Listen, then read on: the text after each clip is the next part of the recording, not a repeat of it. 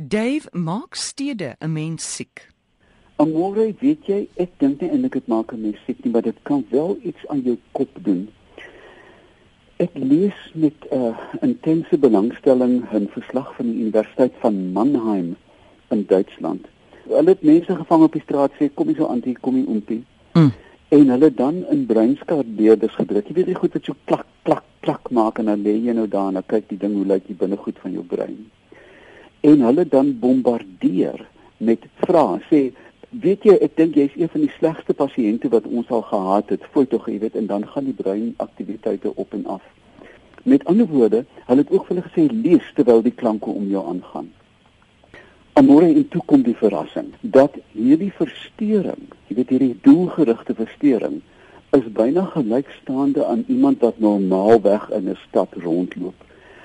Motors toe, jy moet kyk waar jy loop, jy's haastig, die robot uh, wag te lank vir jou. Dan moet jy mens baie versigtig wees met die inligting dat hierdie verstoring kan die oorsaak wees van 'n groot geneigtheid uh, tot geestesprobleme soos skizofrenie.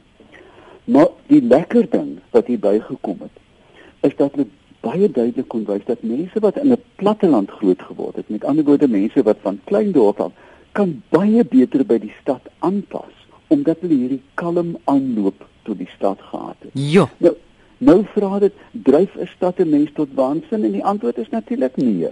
Genade sedert 2010 woon presies die helfte van alle mense op aarde in stede.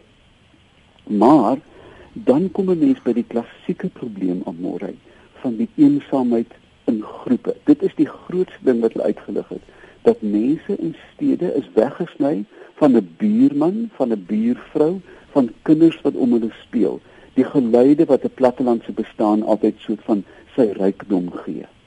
En daar dink ek dat mense voel absoluut in 'n grot hmm. toegesluit ergens in die stad en hulle het nie hierdie skakels met normale lewe deur wat klap iemand wat jy weet 'n familie wat beklei 'n ma wat op kinders skree nie die gewone geluide van 'n lewe en dit uh, laat mense netlik 'n bietjie dink aan wat kan jy doen en toe amore verlede week het ek 'n roekelose eksperiment aangegaan ek het vir 'n skool gevra hier in Stellenbosch die laerskoolkinders wat 'n klein natuurklub het.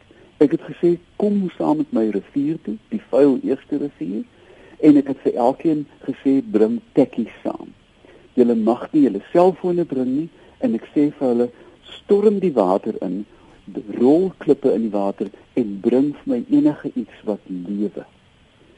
Amore, jy kon net sowel daai kinders met morfine ingespuit het. Jy kan nie glo hoe hulle begin speel het nie. Die onderwyser kom na my toe sê sê hierso is 'n triestige seentjie voor tog jy weet hy probleme is onseker. Nou ek sê kom hier na my toe. Ek sê wat is in jou flesie? Hy sê 'n visie hier is die narre in my natuurlik byderhand. En ek sê hmm, weet jy ons moet daai kind uit die rivier uitgesleep hy hm. begin sing hy begin speel. En daar weet ek toe hier is die antwoord dat selfs in stede wat ons al in die verlede oor gepraat het aan môre dat ons mense moet aard ons moet dinge met hulle doen wat hulle in kontak bring met die grond. Vat hulle tuine toe vat hulle natuurtuine toe vat hulle na speelparke toe dat hulle net op die gras lê want dit is die teenvoeter vir die gif wat die stad ons bied. Dit is die teenvoeter vir eensaamheid en die ding se naam is die aarde. So gesels Dave Peppler en jy kan hom kontak by oompie by iafrica.com